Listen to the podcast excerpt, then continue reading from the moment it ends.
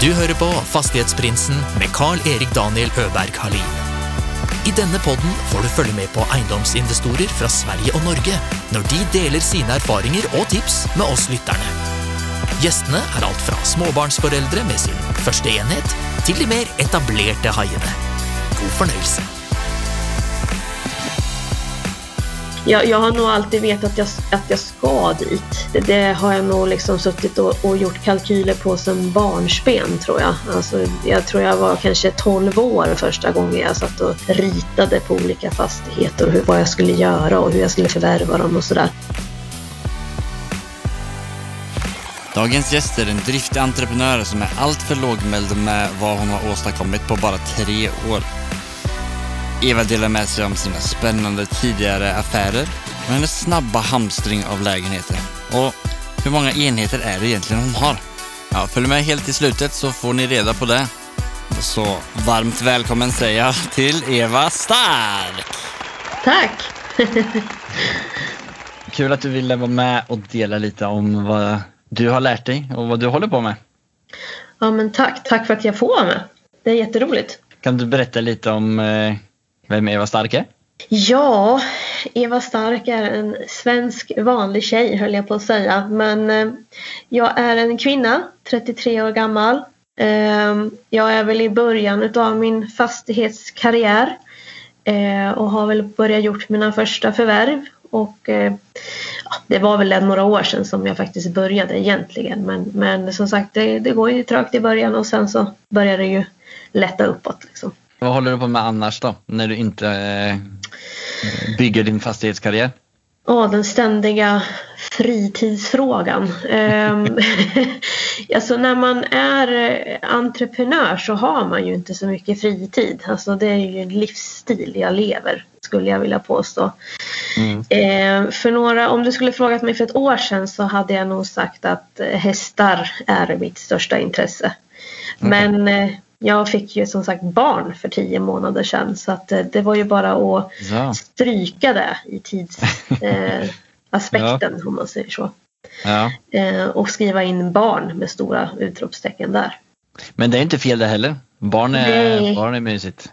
Nej, gud nej, det är det bästa jag gjort i hela mitt liv så att jag, det ångrar jag inte. Nej, inte det finns nog plats för hästar framöver också tänker jag. Ja, ja, det kommer. Allt tar sin tid. Hur många enheter är det ni har per dags dato? Eller har varit igenom?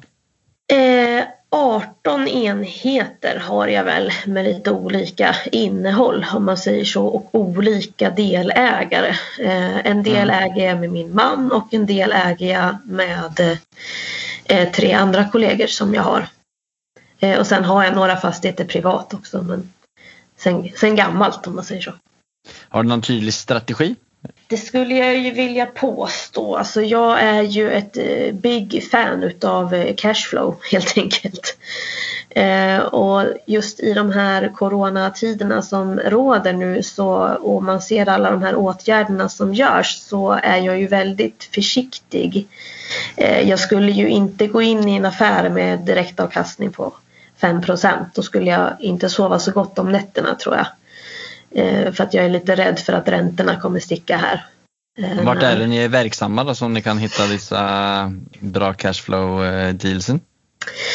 Alltså just nu så har jag fastigheter utanför Karlstad och Grums. Eh, sen gammalt uppe i Kopparberg också. Eh, har en fastighet utanför Örebro och eh, ja, eller två fastigheter utanför Örebro är det. Så det är där de ligger. Är det där Men, ni bor eller? Eh, vi bor utanför Örebro ja. Eh, och sen så har jag min, min man kommer ifrån Värmland. Så att vi, har okay. känd, vi är kända i trakten där med kan man säga. Ja, för hur långt är det från, hur lång range är det mellan den eh, mest västra och den mest östra? Eller om det är nord och syd eh, fastigheterna? Uh, ja, eh, Kopparberg har jag väl åtta mil till. Grums, Edsvalla, Karlstad där har jag väl kanske 12 mil till. Det är innanför en timme eller en och en halv timmes körning?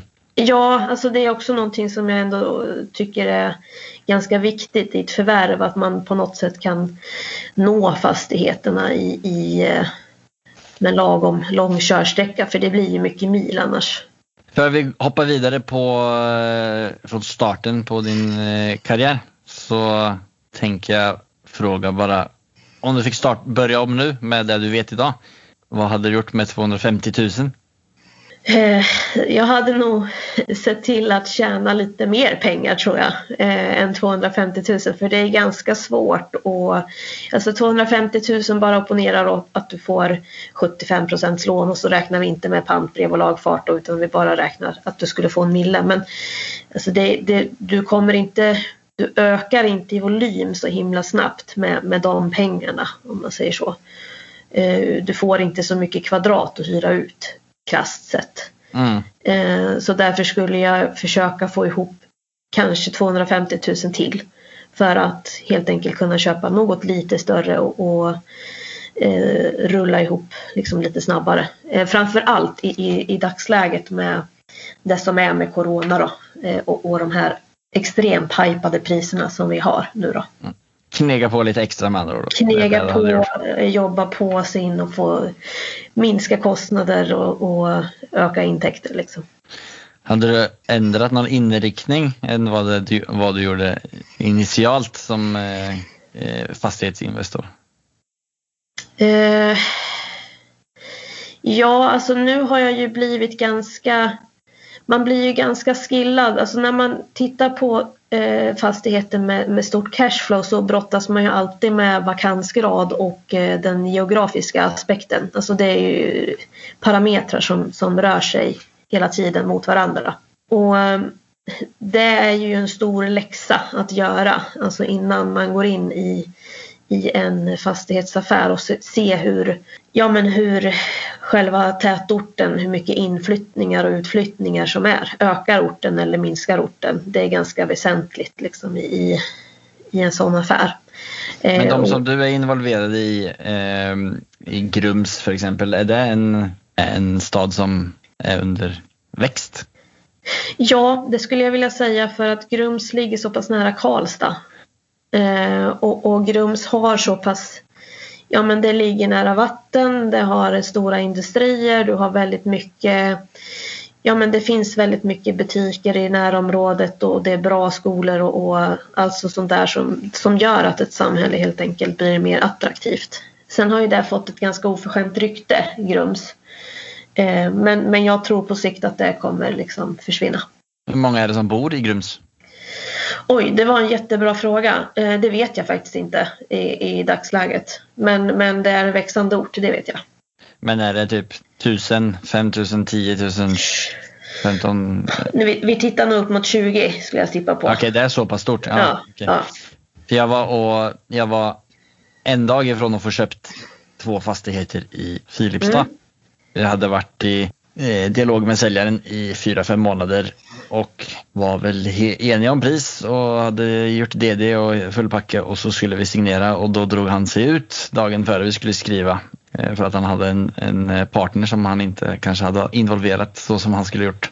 Där är det ju lite samma eh, eh, situation där det bor väl 10 000 personer eh, och cashflowen är väldigt bra eh, men mm det finns inget, inte så mycket värdeökning. Hur ställer du dig till det? Nu, nu ligger ju Filipstad lite mer avsides. Alltså du kan ju inte ta dig på 20 minuter med buss in till Karlstad. Liksom. Eh, den är ju lite... Alltså Filipstad blir ju en lite mer egen stad. Eh, sen har Filipstad haft lite problem eh, med, ja, men med ganska mycket missbruk. Och så, det har varit väldigt mycket behandlingshem som har bott i Filipstad. Eh, det kan man även se nu för att det ligger ute några stycken eh, till salu faktiskt. Okay. Eh, och, och, jag bedriver även ett stödboende också i, i, parallellt med min fastighetsresa här så att jag är ju lite involverad i missbruksbranschen också om man säger så. Mm. och vet att det de har haft problem med det och därför så har Filipstad blivit en liten oomtyckt ort. Men jag tror också på sikt så tror jag att Filipstad kommer hämta sig ifrån det. Om jag skulle satsat på en fastighet i Filipstad då, då skulle jag vilja haft en direktavkastning på, på ja, men 12 procent och uppåt. Så kan jag säga. Mm de fastigheterna som jag såg på var nog inte så bra. Så det var kanske tur att jag inte fick tillslag på dem. Då. Nej, men det, det, är svårt. Alltså det, I och med att priserna är så pass hypade nu eh, så, så brottas man ju hela tiden med det här. Eh, och det är ganska många som, eh, ja men ganska många små investerare som har investerat ganska mycket. Liksom. Man har sett den här bostads bostadspandemin nästan. Alltså som alla ska satsa i fastigheter men, men det har också gjort att det är ganska svårt att få till de här bra dealsen. Vad var det som gjorde att du halkade in på fastighetsbranschen? Då? Ja, medfött tror jag. jag. Jag har nog alltid vetat att jag, att jag ska dit. Okay. Eh, det, det, har jag nog liksom suttit och, och, gjort kalkyler på sedan barnsben tror jag. Alltså, jag tror jag var kanske 12 år första gången jag satt och ritade på olika fastigheter och hur, vad jag skulle göra och hur jag skulle förvärva dem och sådär. Ja, ja nej, men det, Ja, faktiskt. Ja, men sen så har det ju hela tiden funnits en eh, Ja, men det är ju en bra investeringsresa och en långsiktig investering som växer bra över tid. Liksom. Så, så därför så var det ett ganska självklart val för mig. Men har du några föräldrar eller några släkt och vänner som, som det kommer ifrån just eh, tanken när du är 12-13 år och köpa en fastighet? Nej, jag har en bror som eh, driver en isoleringsfirma så han vänder sig väl lite grann mot fastighetsvärlden. Eh, inte så att jag har, nej det kan jag inte säga. Jag är ensam i min släkt. Ja, fan vad kul. ja. Shit, det är ju superintressant att du visste vad du skulle göra och att det var en sån nischad eh, sak du ville göra när du var så pass liten. Ja, ja, ja absolut. Vad blev din första fastighet då?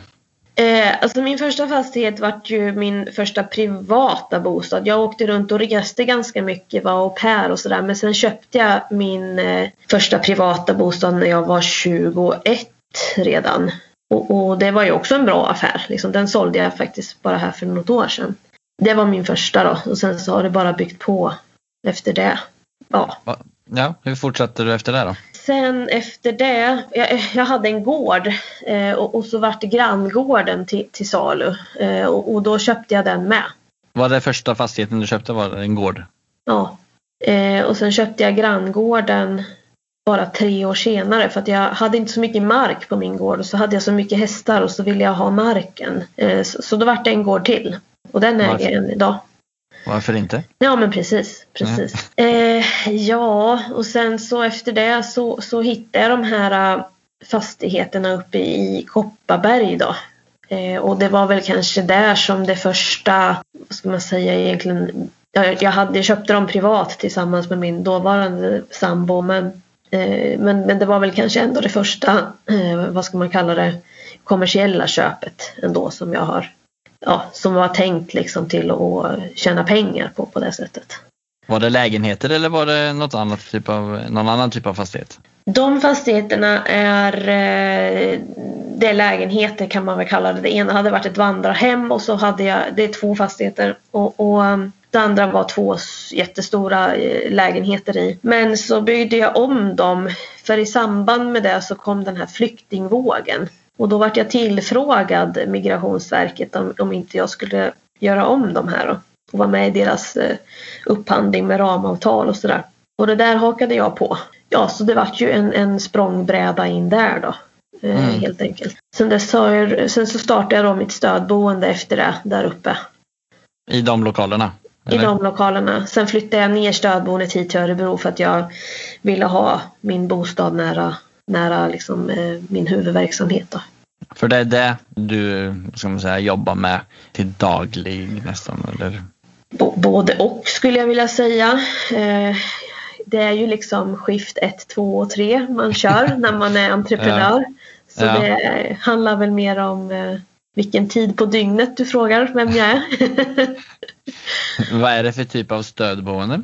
Det är ett stödboende för eh, personer med missbruksproblematik och eh, samsjuklighet. Alltså de kan ha olika diagnoser, ADHD, psykossjukdomar, autism. Eh, oftast i en ganska fin kombo. Liksom så. Hur ser kalkylerna på en, på en sån typ av verksamhet ut emot en, ett lägenhetskomplex? Eh, alltså nu har ju jag gjort så. Jag har ju alltid velat investera i fastigheter som eh, snabbt går att konvertera om till det ena eller det andra. Eh, så mina fastigheter har hela tiden kunnat varit lägenheter men även stödboende om man säger så.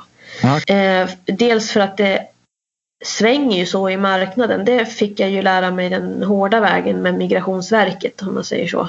Eh, och, och, då är det ju bara att hänga med. Eh, och då gäller ju det så att man inte bygger upp en fastighet som bara är ett vårdboende eh, och eh, så är man helt nischad på det och sen så kommer det någon politiker och bestämmer någonting och då står man där med liksom byxorna nere utan jag vill ju kunna följa marknaden och på det sättet så behöver även eh, fastigheterna kunna vara så pass flexibla. Så de fastigheterna som du har vårdboende i, de har toalett och bad och eh, kök och sovrum? Mina klienter bor, vad kan man säga, som i varsin lägenhet. Ja. Eh, sen har vi gemensamhetsutrymmen på, på bottenplan. Det var en väldigt smart strategi vill jag mm. säga. Du, du, nämnde att du fick eh, lära dig den hårda vägen med Migrationsverket. Men det var ju så här, Migrationsverket var ju ganska fiffiga för de eh, handlade ju upp massa boenden. Eh, så, och där stod vi lite låsta med deras ramavtal och skulle vara beredda och kunna ta emot och sådär. Men de hade en liten klausul mitt i det där kontraktet på en lunta på cirka 100 sidor. Mm. Och då stod det så här att om de placerar en person på boendet. Så då var de tvungna att betala 90 procent utav den placeringsgradens, alltså kostnaden på placeringsgraden. Men så länge de inte placerade en person eh, då kunde de helt enkelt frångå betalning. Okay. Vilket gjorde att eh, de proppade in eh, personer på de boendena som de hade. Jag hade en granne som, som liksom, han visste knappt vad han skulle ta vägen för det, för det var för fullt. Mm. Och sen så stod mitt då tomt eh, och eh, väntade liksom, på boenden. Okej. Okay. Och det där, jag varit inte så jätteekonomiskt drabbad utav det där. Men jag vet ju till exempel som att Sverige, det var ju någon som gjorde ordning en stor jättefärja, en båt alltså, som skulle kunna ta emot. Och där pratar vi ju kanske miljoner eller miljarder i liksom omkostnader och så. Och, eh, ja, så, så, och så valde Migrationsverket då att inte placera en enda eh, trots den här upphandlingen som ändå skedde. Eh, och så då vart ju de av med alla intäkterna. Jaha. Så de var inte pliktiga till någonting om de inte hade placerat någon där? Utan, eh, men, men var ni pliktiga från er sida att nu, om de ringer och säger imorgon så kommer det tre pers så är, är ni pliktiga till att ställa upp med huset då? Ja, alltså vi var ju bundna i ramavtalet. Okej. Okay. Ja, det var inte så sportsligt. Nej, det var inte så schysst. ja, men vad, vad var det som hände då? då? De, de gjorde så att de förlängde och förlängde och förlängde. Eh, och, men jag, alltså för min del så var det ganska bra för jag kunde ju dela av med tanke på att jag hade den här lägenhetsstrukturen. Så skulle det nu ha kommit några så skulle jag kunna tagit emot dem i alla fall. Liksom. Men jag var ganska med på att äh, men det kommer nog inte bli så mycket mer. Eh, och då så gjorde jag så att då öppnade jag det här stödboendet då istället. Eh, så att det har varit det som har varit huvudverksamheten då. För att kunna driva en sån stödverksamhet är man, eh, är man inte tvungen till att ha någon eh, typ av utbildning eller någonting annat till att visa till? Ja, alltså du behöver ju ha framförallt kanske personal med kompetens. Nu har ju jag, eh, ja men jag har ju en eh, kriminologiutbildning i grund och botten. Men framförallt så skulle jag väl vilja påstå att det krävs eh, kunskap och eh, förståelse för problematiken. Eh, och du måste även kunna social dokumentation. Nu hade jag sån tur eftersom jag träffade mina kollegor eh, på det här sättet och, och, då fick jag ju med mig hela ja, men deras kunskapsbalk så jag lutar mig ganska mycket på dem i början eh, och deras gedigna och långa erfarenheter. Men förstod jag det rätt att det alltså första investeringshuset då som du köpte var det här eh, som du initialt skulle hyra ut till Migrationsverket som du sen konverterade till eh, en eh, vårdboendeverksamhet. Ja, Och hur många enheter är det i den eh, fastigheten som du har den verksamheten i? Alltså just nu så har jag ju flyttat ner den verksamheten till Mm. Örebro.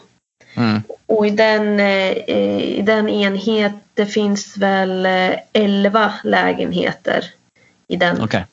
Eh, huset då. Mm. Eh, och sen har jag uppe i Kopparberg så är det väl fyra lägenheter. Fast nu har jag egentligen slagit ihop två lägenheter så man kan väl säga att det är en jättestor tia. Oj, en tia. ja precis. hur, hyr man och- ut, hur hyr man ut den i Kopparberg?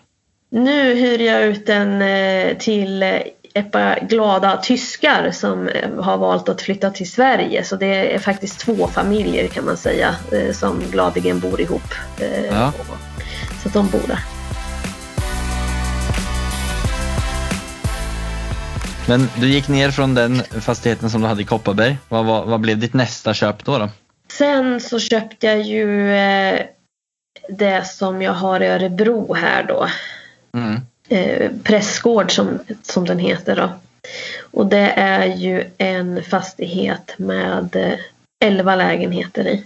Eh, och den förvärvade jag här för några år sedan. Okej. Och den äger jag än idag då. Men den har du i, eh, i bolagsform. Mm. Och den uppe i Kopparberg, har du, eh, har du den privat eller har du den i bolag också? Nej, den är privat. Och den har du kvar idag? Den har jag kvar Eller också. ja, det har du såklart eftersom tyskarna bor där. Jajamän. Ja, ja men det är bra. Du måste dubbelkolla. Ja. ja. Det är lite intressant med Kopparberg för, för i grannhuset där så har jag även en, en eh, indisk familj som fick Mm. jobb här i Sverige på något teknologiskt eh, bolag och eh, flyttade hit.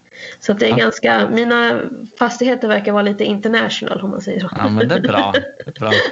Ja. Har du något kul namn på ditt företag som gör att det träffar högt på Google när eh, internationella eh, expats ska flytta till Grums? Ja, nu sa du faktiskt någonting, som jag tänkt på, men bolaget som jag annonserar med heter Unifly så att eh, det kan absolut vara. Ja, kanske när de, de ramlar bort i det när de ska köpa flygresan och så kommer Ja, Unifly precis. upp. precis, precis. Vart kommer det namnet ifrån? Eh, oj, eh, jag hade... Eh, jag jobbade mycket med import innan jag gav mig in i eh, stödboendebranschen och så jobbade jag med import ifrån eh, Kina och importerade lite bilar och sådär. Inte flugfiske alltså. inte flugfiske, nej. Mm. Eh, och eh, då så valde jag Unifly utifrån att det på något sätt hade någon eh, ja, men internationell ja, touch över sig. Ja. Hur må- Hur många fastigheter totalt sett är det du har? Det är, ja, men det är 18 fastigheter. Eh, 14 är belägna i Grums. Nej, fjor, det är inte 14 i Grums, det är några i Edsvalla också. Och sen så är det två uppe i Kopparberg och en i Örebro. Jag fick ju belärt av en eh, tidigare gäst som heter Pontus att fastigheter är, ja vad var det han sa? Fastigheter betyder att det är eh, själva tomten och det, på en fastighet så kan det vara flera hus. Så har du 18 hus eller eh, har du 18 lägenheter liksom eller hur? Jag, oj, nu, lägenheter, ska jag ha koll på det också? Nej, Eh, nej jag, jag vet inte bara så vi snackar samma, samma ja, men bara så vi snackar samma språk. Det är eh, 18 hus och vi har, vad blir det då? Det blir väl 50, 55, fem, 55 lägenheter. Och det har du klarat av att förvärva på hur lång tid? eh, Jag kan väl säga, alltså om man räknar bort då mina privata köp, för det blir lite oadekvat egentligen, så skulle jag väl säga att jag började för eh, tre år sedan. Vad tror du nyckeln är till att du har fått upp så pass många eh, fastigheter på tre år? Cashflow. Cashflow. Ja. Mm. ja men så är det. Alltså, du måste ha pengar för att göra pengar. Det, det är så, så enkelt är det. Liksom. Som jag nämnde initialt så hade jag en strategi att jag skulle köpa i lite samma område som dig. För jag är ju svensk till trots för mitt eh, talfel och att jag har bott i Norge i 11 år. Så eh, då tog jag ju kontakt med svenska banker och eh, de behandlade mig som att jag var norsk. Jag upplevde att det var väldigt svårt att få lån. Bra lån höll jag, håller jag på att säga. Beskedet jag fick efter att ha varit borta i kanske tio olika banker var att du måste casha ut ditt första hus och så kan vi snacka om ett år. Oj, Hur- det var lite hårt. Det tyckte jag med. Det, det var inte så positivt. du får nog jobba på den där dialekten lite tror jag. Ja, jag måste nog kanske göra det. Men hur, hur, eh, hur var det för dig? Ditt första bolagsköp? Helt ärligt så fick jag faktiskt... Eh, jag argumenterade ganska hårt med min bank. Min dåvarande bank. Jag kanske inte ska avslöja vilken bank för det kanske är lite att häda. Eh, och det slutade faktiskt med att jag bytte bank för att jag tyckte inte riktigt att de eh, ja, men var med och förstod liksom den här eh, goda affärskonceptet som jag kom med. Och sen så gick jag till nästa bank eh, och då så sa de att det är inga problem. Det här löser vi. Och det var ju jag naturligtvis väldigt tacksam över. Men vilket case var det då du presenterade då? Var det, Örebrofastigheten. ja, och, eh, och var det då inkluderat ett vårdboende eh, som koncept? Då så var de här lägenheterna uthyrda till privatpersoner. Och, och det var det caset som du presenterade för dem? Ja. Och, och vad fick du för lånprocent då? Eh, då lånade jag 50 procent. Men, Mm. men det var lite egenvalt också. Men då gjorde jag ju en bolagsaffär med och det är ju ganska vanliga siffror.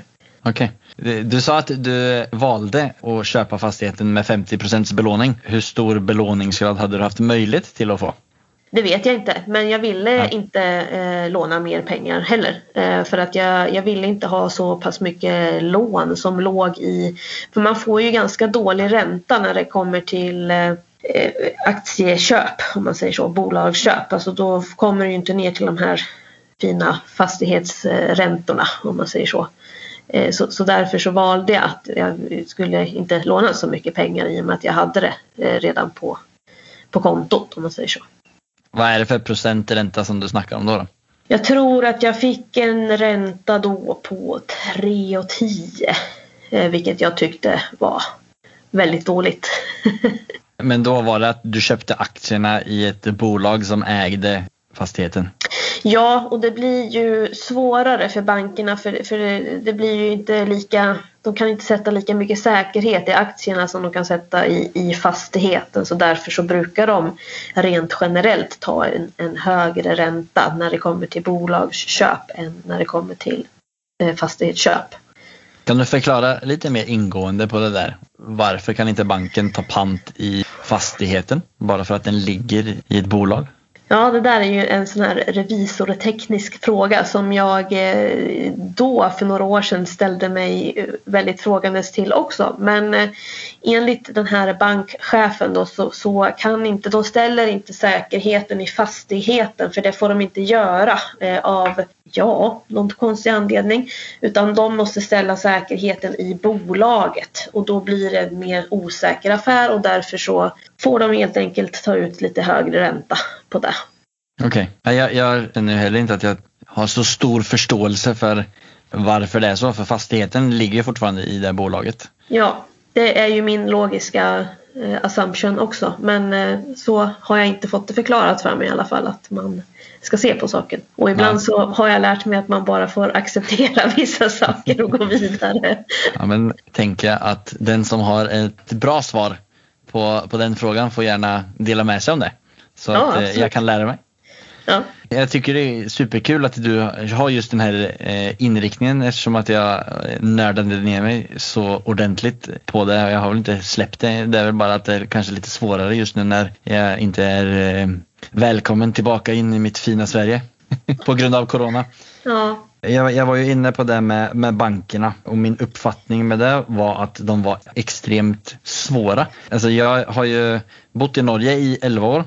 Där, är det, där sker ju saker och ting pam pam pam upplever jag. Eh, mäklarna, ta, eh, ringer, ringer man dem, har man, är man in- intresserad av någonting då eh, ringer de snabbt tillbaka eller svarar snabbt på mejlet och vill gärna closea så fort som möjligt.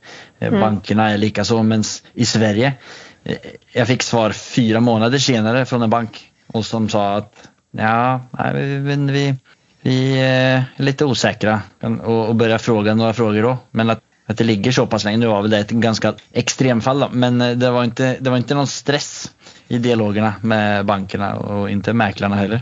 Är det din uppfattning också eller? Min uppfattning är att man eh, behöver bygga relation med bankerna för att kunna få en, eh, en, ett förtroende. För jag tror att det är det det handlar om. Alltså de behöver ha ett förtroende för att du kan genomföra affären på ett tryggt och säkert sätt. För att de, deras jobb är ju att kalkylera risker. Det är det de mm. gör. Eh, och då om man kommer som, och jag tror att det finns väldigt, väldigt många där ute som går till banken och, och, är lite glada i hågen och ska göra sin första köp och, och man är, är, ju i eufori för det känner du kanske själv igen. Ja, liksom. ja, ja. eh, och, och, så ska banken sålla ut vem som förmodligen kommer göra ett bra jobb och vem som inte kommer göra ett bra jobb. Eh, och det är, är jag avundas dem inte om jag säger så. Nej. i den frågan. Så att för att ge dem lite respekt i det hela så, så, så kan jag förstå dem men det gör ju inte din och min situation eh, lättare om man säger så. Utan, och det är bara att acceptera den, den eh, bittra sanningen att man får vara bättre helt enkelt. Ja, nej, men jag tänkte säga det. Då, då, eh, då var jag, min presentation allt för dålig och jag det kategoriserade mig själv direkt i den glada eh, första gångs köpa kategorin utan, eh, utan, eh, utan flyta. eh, nej men alltså det som jag kan tipsa om det är ju liksom att eh, presentera en rimlig, bra eh, liksom kalkyl för banken. Ge dem en, en bra liksom redogörelse vad du har tänkt och gjort med den här fastigheten eller det här förvärvet. Eh, så att de förstår vad du har tänkt. Alltså det blir nästan som att du ska ge dem en hel affärsplan.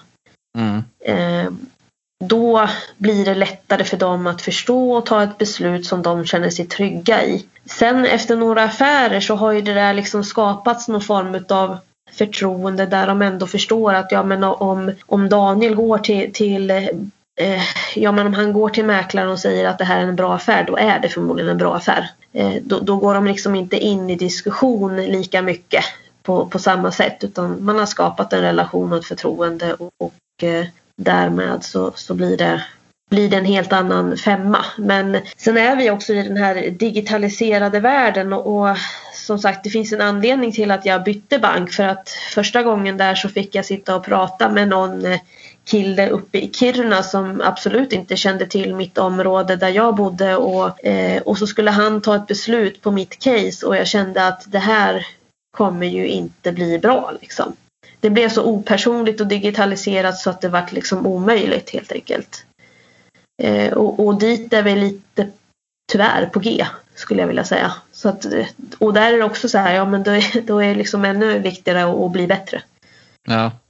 Men om du skulle ge mig ett tips då? Om jag ska få, eh, få köpt min första fastighet och, och jag väljer att göra det på svenska sidan av gränsen. Eh, hur ska jag få med mig en bank som eh, ska kunna ge mig ett lån? Då skulle jag, jag ta en sån här livlina tror jag. Har, har du ja. någon kompis på den svenska sidan? Kan du ringa en vän liksom? Och, och partna upp mig menar du då eller? Ja, men eh, om det är någon som kanske redan har den här uppbyggda relationen så, så kan man ju eh, oftast kanske rida lite grann på den ryggen. Alltså att du helt enkelt säger att ja men eh, att Kalle din kompis han, han ringer till, till sin bankkontakt och säger det här, den här killen han, han gör sitt jobb och han, han räknar rätt eh, och han har ett case här som han eh, tror på och, och jag tror att ni skulle kunna tjäna pengar på honom. Då ska jag testa att ringa Kalle och se om eh, han kan ställa upp. Ja men vad bra, vad bra. Eh, under din resa, har du haft några mentorer eller några förebilder som du har eh, piggybackat på? Eh, inte när det kommer till jag har ju haft gedigna, vad ska man säga, kollegor men sen har jag nog kanske varit lite egen i, i mitt fastighetsspår men till min stora förtjusning så har jag ju här sedan ett år tillbaka fått en eh, kollega som, som jag delvis äger det här vårdboendet numera tillsammans som, som också har en, eh, ett sånt mind Om man säger så. Sen har jag ju också här under, ja men förra året så, så gick jag och min man och köpte eh, ett fastighetsbestånd. Och han har ju också eh, det här tänket som, som jag då. Så, att, så nu börjar det lätta upp på den fronten att man kan ha lite personer att bolla med och, och, och sådär. Och det är ju mer än välkommet för ja, man, man ser ju liksom eh, man ser ju på olika sätt på saker. Ja, det sägs väl att man blir påverkad av, det är väl den, de fem, fem närmsta i sin krets som man blir mest påverkad av. Ja, det tror jag verkligen och dessutom så är ju min man väldigt byggnadstekniskt kunnig om man säger så.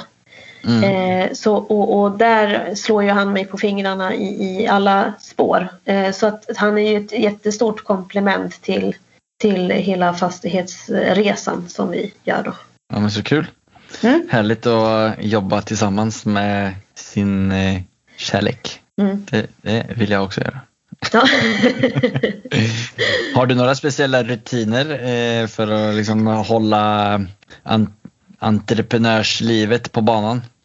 Ja, alltså det är ju jätteviktigt med rutiner skulle jag vilja påstå eh, och, och, ta hand om sig själv för att har man, jag brukar kalla jag brukar säga att jag har en sjukdom, alltså det här med entreprenörskapet och, och det måste man liksom hålla check på lite grann för att eh, jobba är ju någonting som man brinner för i princip. Det handlar ju dels om att begränsa sig men sen även att kunna ta hand om både sina relationer och sin kropp. Alltså det är superviktigt. Så att träna eh, och, äta rätt och hitta en sund balans liksom i det där. Och, det är dessutom ännu mer spännande att göra det när man har sin eh, kollega som man är gift med. Liksom. Så, ja. Eh, det kan ju hända att vi liksom sitter och tittar på fastighetsannonser ganska sent in på småtimmarna ibland. Så att Känner igen det. Ja. ja men så kul. Men då har vi kommit fram till eh, vårt nästa segment som heter Affärsanalysen. Det går ut på att eh, vår gäst berättar om en genomförd deal som eh, du har gjort och tar oss igenom eh, tal och andra godheter.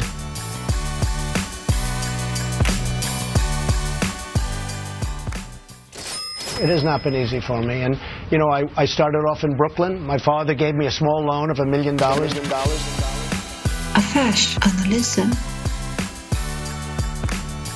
Så är det någon speciell deal som du har eh, tänkt ut att dela med dig om? Ja, och det är väl kanske den som jag tycker att är mest adekvat för dagen och som jag skulle liksom vilja tipsa om. Eh, dels förtalen som, som ligger på den, men sen mm. även hur man ska tänka. Eh, och den dealen gjorde jag ju här i, för ett år sedan ungefär. Ja. Då köpte jag ett bestånd och det var 14 fastigheter i, i det köpet då, i rull. 14 fastigheter. Eh, och... 39 enheter. Men var det 14, det blir nästan var, eh, att det var eh, några som flerfamiljshus eller är det där det heter på svenska? Eh, när det är två enheter i... Eh... Det är några parhus och sen parhus, är ja. det, ja, ja men några lägenhetskomplex då om man säger så. Ja. Eh, var hela beståndet lägenheter? Eller var det något annat i det också? Nej, det är lägenhet. Jag har en liten lokal på, på 15 kvadrat men jag vet inte riktigt om det ska ja, räknas med. Men... det var kanske inte största procentuella delen men då, Nej, och det finns no några garage också sådär men, men eh, i stort sett så är det lägenhet. Är det någon verksamhet i, i 15 kvadrats-lokalen? Jajamän, en nagelsalong. Oj, oj, oj. Ja. ja, men så bra. Mm. Alright, och vart ligger, det, vart ligger det här beståndet? Är det spritt ut eller är det? Det är lite, det är lite spritt. Är det. det ligger, ja men dels är det i Grumstad och eh, sen är, ligger det i en annan liten ort eh, runt Karlstad-trakten där som heter Edsvalla. Edsvalla, det tror jag mm. inte jag har sett på kartan. Jag ska väl inte skryta upp mig om min geografikunskaper heller så. Nej, men eh, tydligen så är det så att är man eh, värmlänning så är eh, Edsvalla ett, där, är tydligen lite gräddhylle Där vill man bo. Se där ja. Okej. Gräddhyllan i Värmland. Ja, Ja, vilket, precis. vilket kap. Ja, det kan man väl säga. Jag, jag hade väl kanske inte riktigt eh, förstått det då. Men, men eh, som tur var så hade jag ju en, en man som ändå förstod. Ja, Okej, eh, vart hittade ni den här dealen då? Offentliga kanaler eller var det off market? Nej, det var offentligt. Eh, Den hade legat ute ett tag. Men eh, till syvende och sist så tittade man på bilderna så såg det ut som att eh, fastigheterna var väldigt försummade och delvis så skulle jag kunna säga att de är det. Det var en utländsk firma som hade ägt dem. Och Okej. de hade satsat av någon konstig anledning på att byta kök, badrum och fönster. Och sen var, yt... ja, sen var ytskikt och eh, vad ska man säga, utvändig målning och, och lite sådär ja, men små, små grejer eh, var eh, inte eh, åtgärdat. Så att Nej. när man då skulle ta bilder på de här så såg det ju alldeles förskräckligt ut. På något sätt så, så såg jag igenom det för att jag såg ändå att det var bytta fönster och jag såg att det var jag såg att det var mycket gjort på insidan helt enkelt på dem. Och de var fullt uthyrda och ja, det var ett byggbolag som sagt som, som ägde det så att jag jag vart ändå lite nyfiken på det här. Eh, Mm. Men jag förstod att det var jättemånga som avskräcktes liksom, utav det som de såg. Vad skulle de ha? Vad var utgångspriset på annonsen? De sattes ut för strax efter 10 miljoner, över 10 miljoner någonstans där. Mm. Eh, När jag nosade upp det där så låg de, hade de sänkt det till 8,5 så det var då jag såg annonsen om man säger så. Så från 10 till 8,5 sänkningen. Ja, om det kanske till och med inte de hade försökt på lite mer. Jag kommer inte ihåg, Ja. men jag tror att han har sagt det, fastighetsmäklaren. Och det jag reagerade på det var ju att det var Dels så var det ganska låga hyror för eh, eller var väldigt låga hyror för marknaden då. Vad var det för kvadratmeter eh, pris? Kommer du ihåg det? Det var ett spann på från Ja. 40 41 kronor till eh, eh, runt 70 någonstans där. Men i de flesta låg i det nedre spannet om man säger så. Och vad menar du att, eh, att den riktiga kvadratmeterprisen var? Det, alltså om man tittar på vad ska man säga det marknadsvärdet som ligger där så ska de ju ligga på 85 ungefär. Okej. Eh, så att de det jag såg var ju att de, de hade ju liksom drivit de här och, och kanske inte riktigt förstått vad marknaden låg på. Eh, och, och dessutom så hade jättemånga inte fått någon hyreshöjning på 10-20 år sådär. Mm. Eh, och, och det slog mig direkt att det här var lite udda liksom så. Sen så hade ju, ja men de hade ju räknat ut driftskostnaden då med eh, normaliserad driftskostnad. Den var ju ja men hyfsat okej då. Men, men eh, när deras, när jag räknade ut direktavkastningen så landade jag på eh, 19 procent då. Oj. Ja, på det som jag sen då budade. Räknar du in då det du sen buda och din nya hyra som du hade tänkt att sätta? Eller? Nej, det gjorde jag inte. Eh, Utan på den låga hyran så fick du 19% direktavkastning. På den låga hyran så fick jag 19 procent direktavkastning.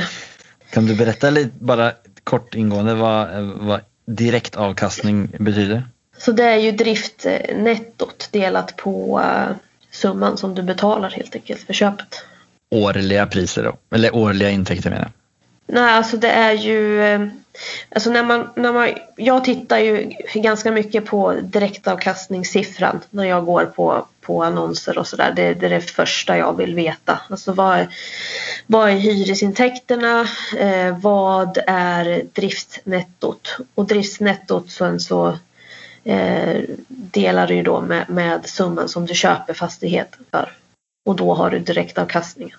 Okej, så låt säga att det är eh, intäkter på en miljon.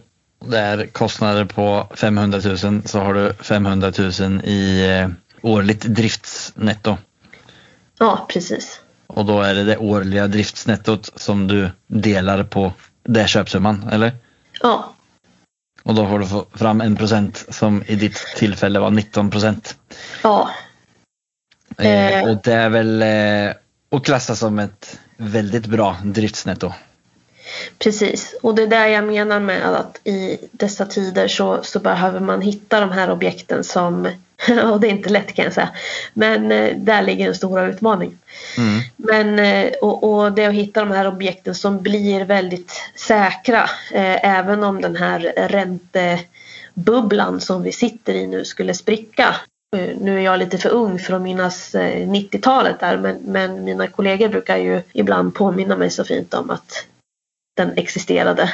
Eh, tänk, tänk längre än bara den här direkta siffran som du får på pappret utan är det så att räntorna höjs så kan ju bankerna komma och säga att ja, men, eh, nu, behöver, nu behöver vi få in mer pengar på, för det här objektet. Liksom. Och kan man då inte göra det då, då, då är det kört. Liksom. Med de talen som du nämnde där och tendera då att du kan ta ut den eh, hyran som du först trodde att du skulle kunna ha. Eh, så borde du komma upp i eh, siffror på 25 eller ännu bättre direktavkastning så att hela huset betalar av sig på ett sätt på fyra år nästan.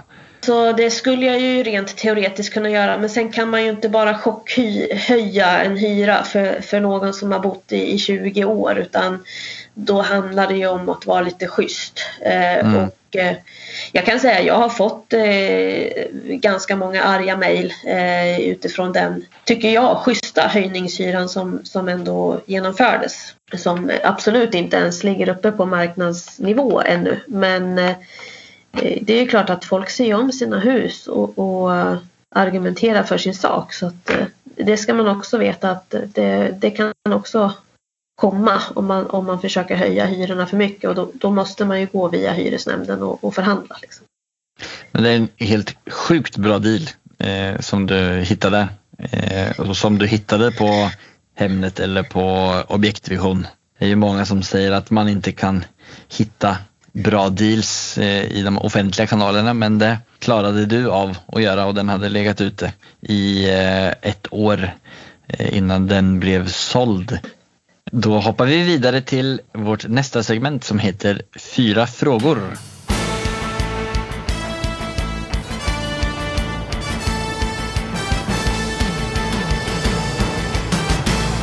Cuatro preguntas. Första frågan lyder, vad är det som skiljer från en framgångsrik entreprenör mot de som inte lyckas, slutar eller aldrig kommer igång? Envishet skulle jag nog kunna summera det som. Alltså det, det, det är någon form utav eh, jävlar anamma som, som min mamma brukar uttrycka det som. Du har det bara i dig eller så har du det inte. Men kriga på och eh, Ja, precis. Och även alltså, för, för att eh, vara företagare och entreprenör det är liksom som att kliva in i en boxningsring. Du kommer få jäkligt många smällar. Alltså så är det. Det handlar bara om hur du hanterar dem. vi hoppar vidare till fråga nummer två. Om alla fastigheter i hela världen var ute på marknaden och du fick bara välja vilken du ville ha.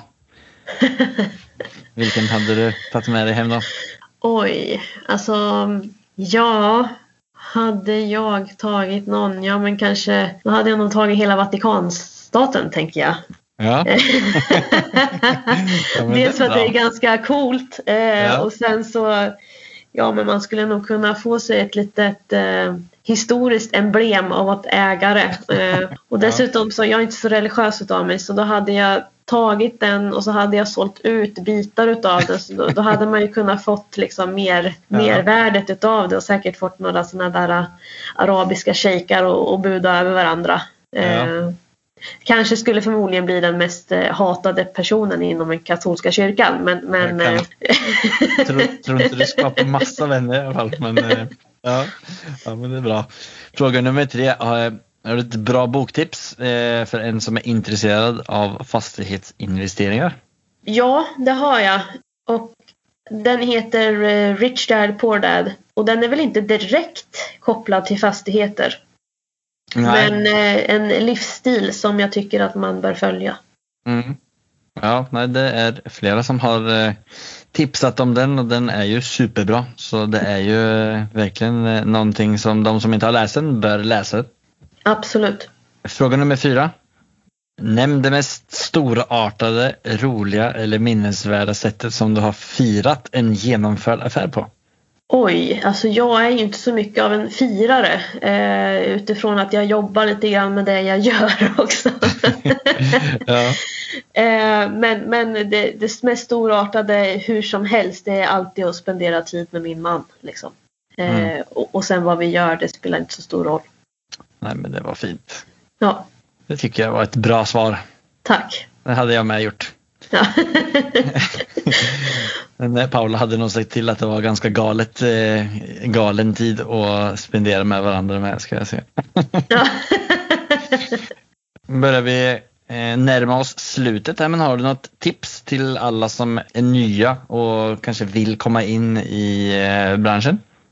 Ja, alltså gör, gör kalkylen framlänges, baklänges, om igen och, och hit och dit. Dela med den till en kompis och ta hem och gör, gör om igen. Tre, fyra, fem gånger. Liksom. Eh, gå till banken och var stensäker på vad du ska göra. Skapa en god relation med banken. Eh, är du ny eh, och, och är liksom kapitalsvag, hitta kapitalsvag eller starka personer som kanske kan parta ihop med. Liksom. Leta efter de här uh, objekten som, som folk inte tror existerar, för de existerar faktiskt. Man ska inte ge upp. Det är inte så att det inte finns några deals på de offentliga kanalerna. Det är eh, en positiv, eh, ett positivt tankesätt tänker jag också. Om det är någon som lyssnar och vill komma i kontakt med dig, hur eh, kommer man bäst i kontakt med dig då? Det kan man göra via mail, är väl det enklaste. Eh, och då är det så enkelt så att jag har en mail som heter eva unifly.nu. Perfekt. Unifly.nu. Mm. Mm. Men då, Det kommer man ihåg. Det kommer du alltid komma ihåg. Ja, det kommer jag verkligen komma ihåg. Ja. Den länkar jag också i eh, beskrivningen till avsnittet. Ja, men, eh, superkul och tack så jättemycket Eva. Det var kul att snacka med dig. Du hade massa saker som jag har lärt mig om och eh, härlig person. Jag önskar dig jättemycket lycka till i eh, framtiden med allt du håller på med. Ja, men tack detsamma och, och, och glöm inte att ringa Kalle. Nej, det ska jag verkligen inte göra. Man får ett samtal snart. Ja, vad bra, vad bra. Ja, men jättebra. Tack då. Då får du ha en fin kväll. Så hörs Tack vi. detsamma. Hej då, hej då. Ja, jag kan inte helt släppa bilden när Eva, bara 13 år gammal, sitter och skissar på hur hon ska få köpa sitt första hus. När hon nu på tre år nästan har 60 enheter och lite lugnt sitter och säger att hon är i starten av sin fastighetskarriär. Då blir det riktigt spännande att följa upp henne i framtiden och se vad hon har fått till då. Ett av alla goda råd i avsnittet var att skaffa en partner som har en bra bankrelation som möjliggör det där första köpet utan track record-problematiken. Det var ett tips som gjorde att mina tankar öppnades upp och nu har jag också gjort mitt första köp i företagsform.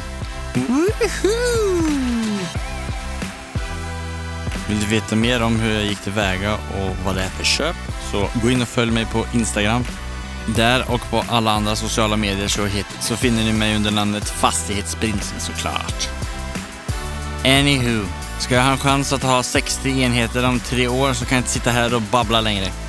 Jag får göra som Eva och helgardera mina fastighetsköp genom att kanske starta en massproduktion av chihuahuor i källaren på mitt nya förvärv. Låter som en bra idé. Vi snackas! Ha det!